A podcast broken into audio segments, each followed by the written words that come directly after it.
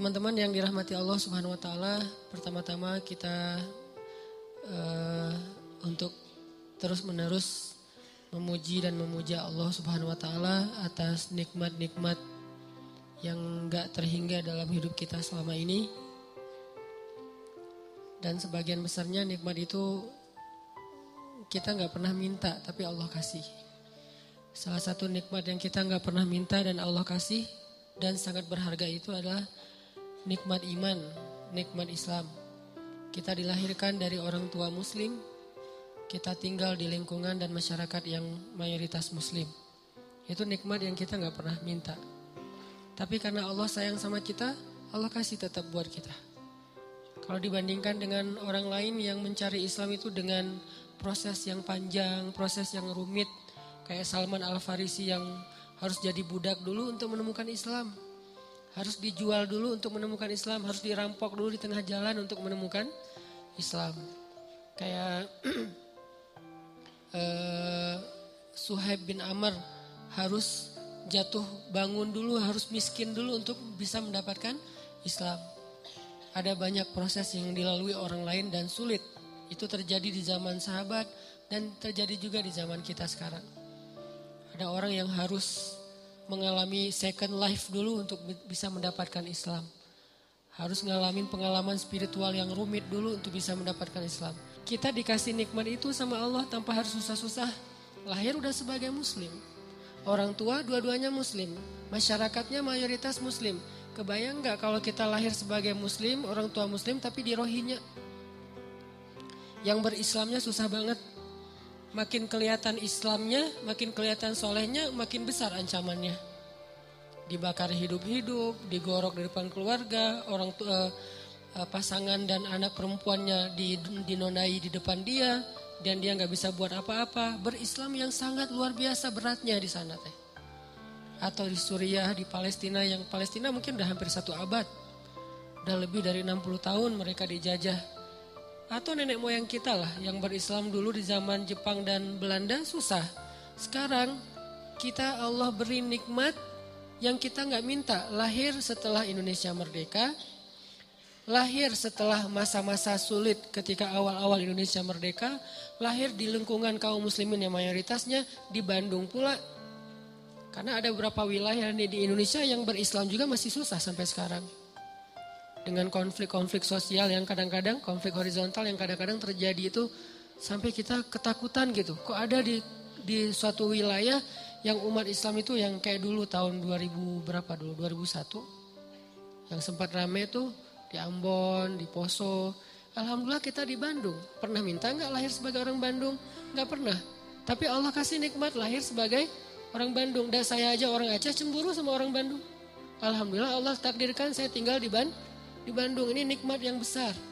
Tanpa saya mengeluh sebagai orang Aceh karena itu juga nikmat yang luar biasa buat saya karena bisa dibilang itu sesuatu apa karunia. Tapi Bandung punya nikmat lain yang mungkin orang Aceh nggak punya. Orang Aceh punya nikmat lain yang jelas kita dilahirkan dalam suasana yang sangat nyaman. Berislamnya tuh nggak repot. Ini layak disyukuri oleh kita setiap hari. Karena kalau kita nggak mensyukuri ini, Nanti Allah akan cabut satu aja. Bukan iman, bukan hidayah yang dicabut. Tapi berislamnya yang dicabut. Nikmat berislamnya. Dibikin berislam kita susah. Dibikin berislam kita itu repot. Gampang banget buat Allah. Dimunculkan di antara kita seorang pemimpin yang zalim aja udah repot loh. Mau bikin taklim repot, mau ngaji repot, di sekolah pendidikan Islamnya dihapus segala macam kayak Turki beberapa waktu yang lalu itu kan berislamnya repot kan. Di Turki mau azan aja nggak nggak boleh pakai bahasa Arab. Udah gitu isi dari azan itu ada dihapus beberapa kalimat-kalimat yang yang sakral dalam Islam. Kayak kalimat hayya al falah misalnya. Atau taklim-taklim, khutbah-khutbah mulai di style sama negara, negaranya sekuler. Sehingga kita dengerin khutbah tuh kayak garing gitu.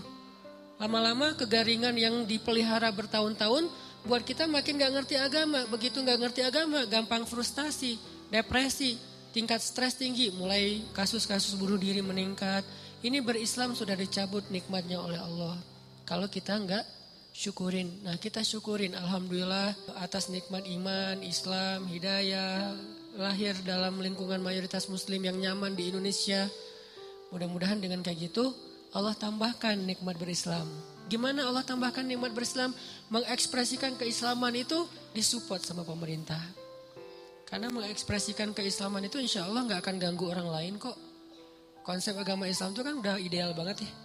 Nggak mungkin kita taat dengan agama kita terus ngeganggu agama lain. Itu mustahil. Nggak ada dalam kamus Islam kayak gitu. Jadi nggak usah khawatir ketika kita taat dengan syariat Islam, agama Islam, ketika kita mengekspresikan keislaman kita, nggak usah khawatir. Justru itu jadi sebuah kebaikan karena sifat dasar Islam itu rahmatan lil alamin.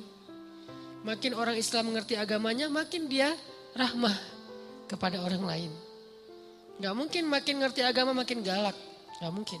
Dia galaknya bukan ke orang lain, galaknya kepada kemungkaran. Nah, kalau itu memang semuanya harus kita galak bukan orang Islam doang, manusia mah harus galak kepada kebatilan, kemungkaran bahasa kita ya. Kalau bahasa umumnya kejahatan. Harus galak dong dengan kejahatan, kalau enggak kejahatan merajalela. Galak dengan kriminal-kriminal yang luar biasa merajalela. Galak dengan orang yang membunuh bayi nggak berdosa apa kurang emang nggak boleh galak. Bayi dibuang di kebun gitu emang nggak boleh galak. Harus galak. Karena kalau nggak galak kejahatan itu merajalela. Tapi bukan kepada orangnya, etnisnya, agamanya kita ngerti banget lah yang kayak gitu-gitu. Diajarkan oleh orang tua kita, ulama-ulama kita. Yang di atas semua itu diajarkan oleh nilai-nilai agama kita. Kita ngerti banget, gak usah diguruin dalam bab itu. Gak usah dikasih tahu, itu kita ngerti. Jadi makin kita berislam, insya Allah makin kita rahmah kepada orang lain.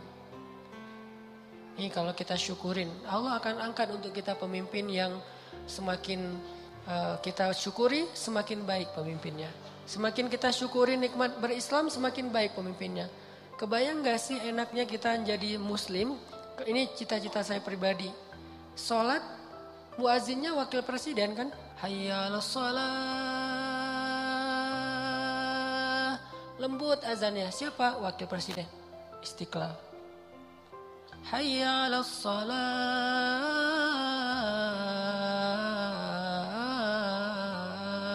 Azan subuh wakil gubernur, wakil wali kota.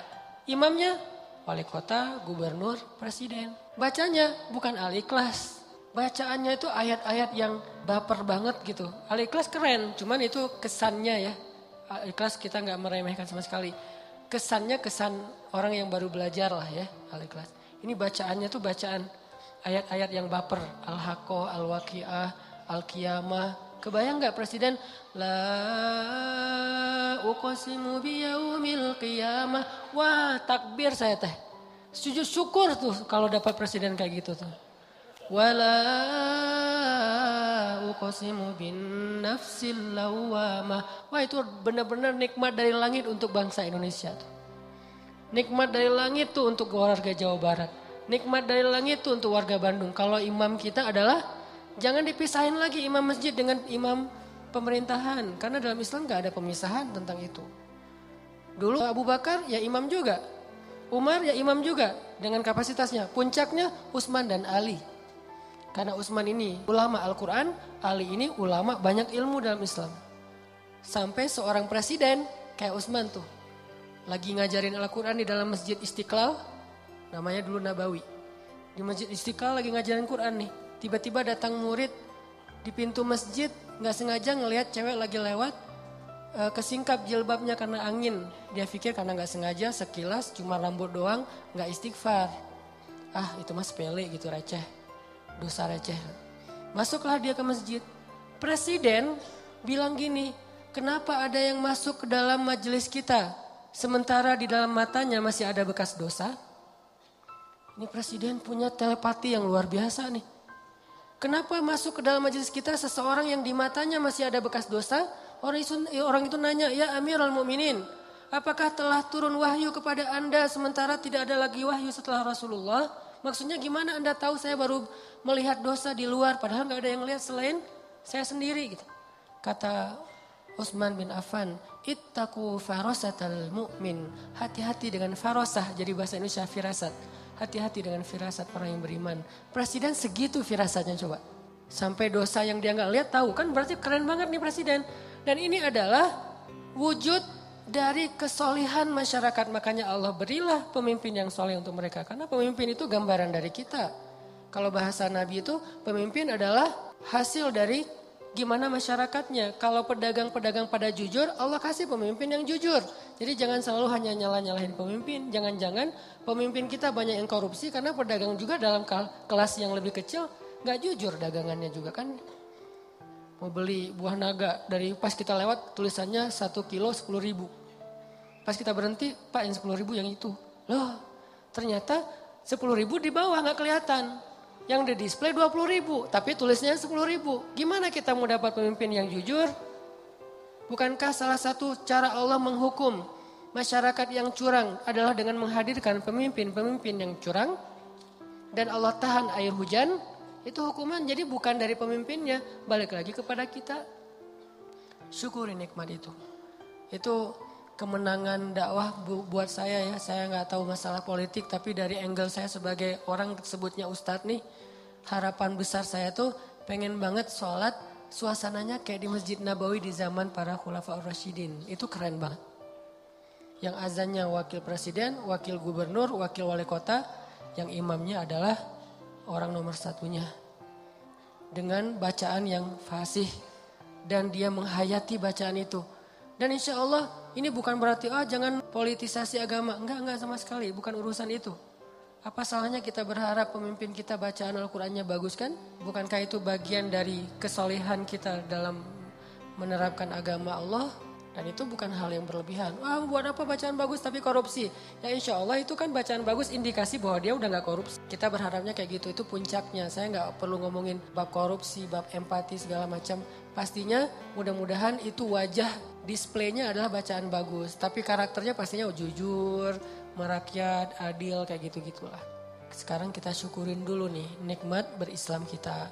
Mudah-mudahan Allah terus memberi petunjuk kepada pemimpin-pemimpin kita dan mengangkat untuk kita pemimpin-pemimpin yang seperti harapan-harapan orang yang beriman.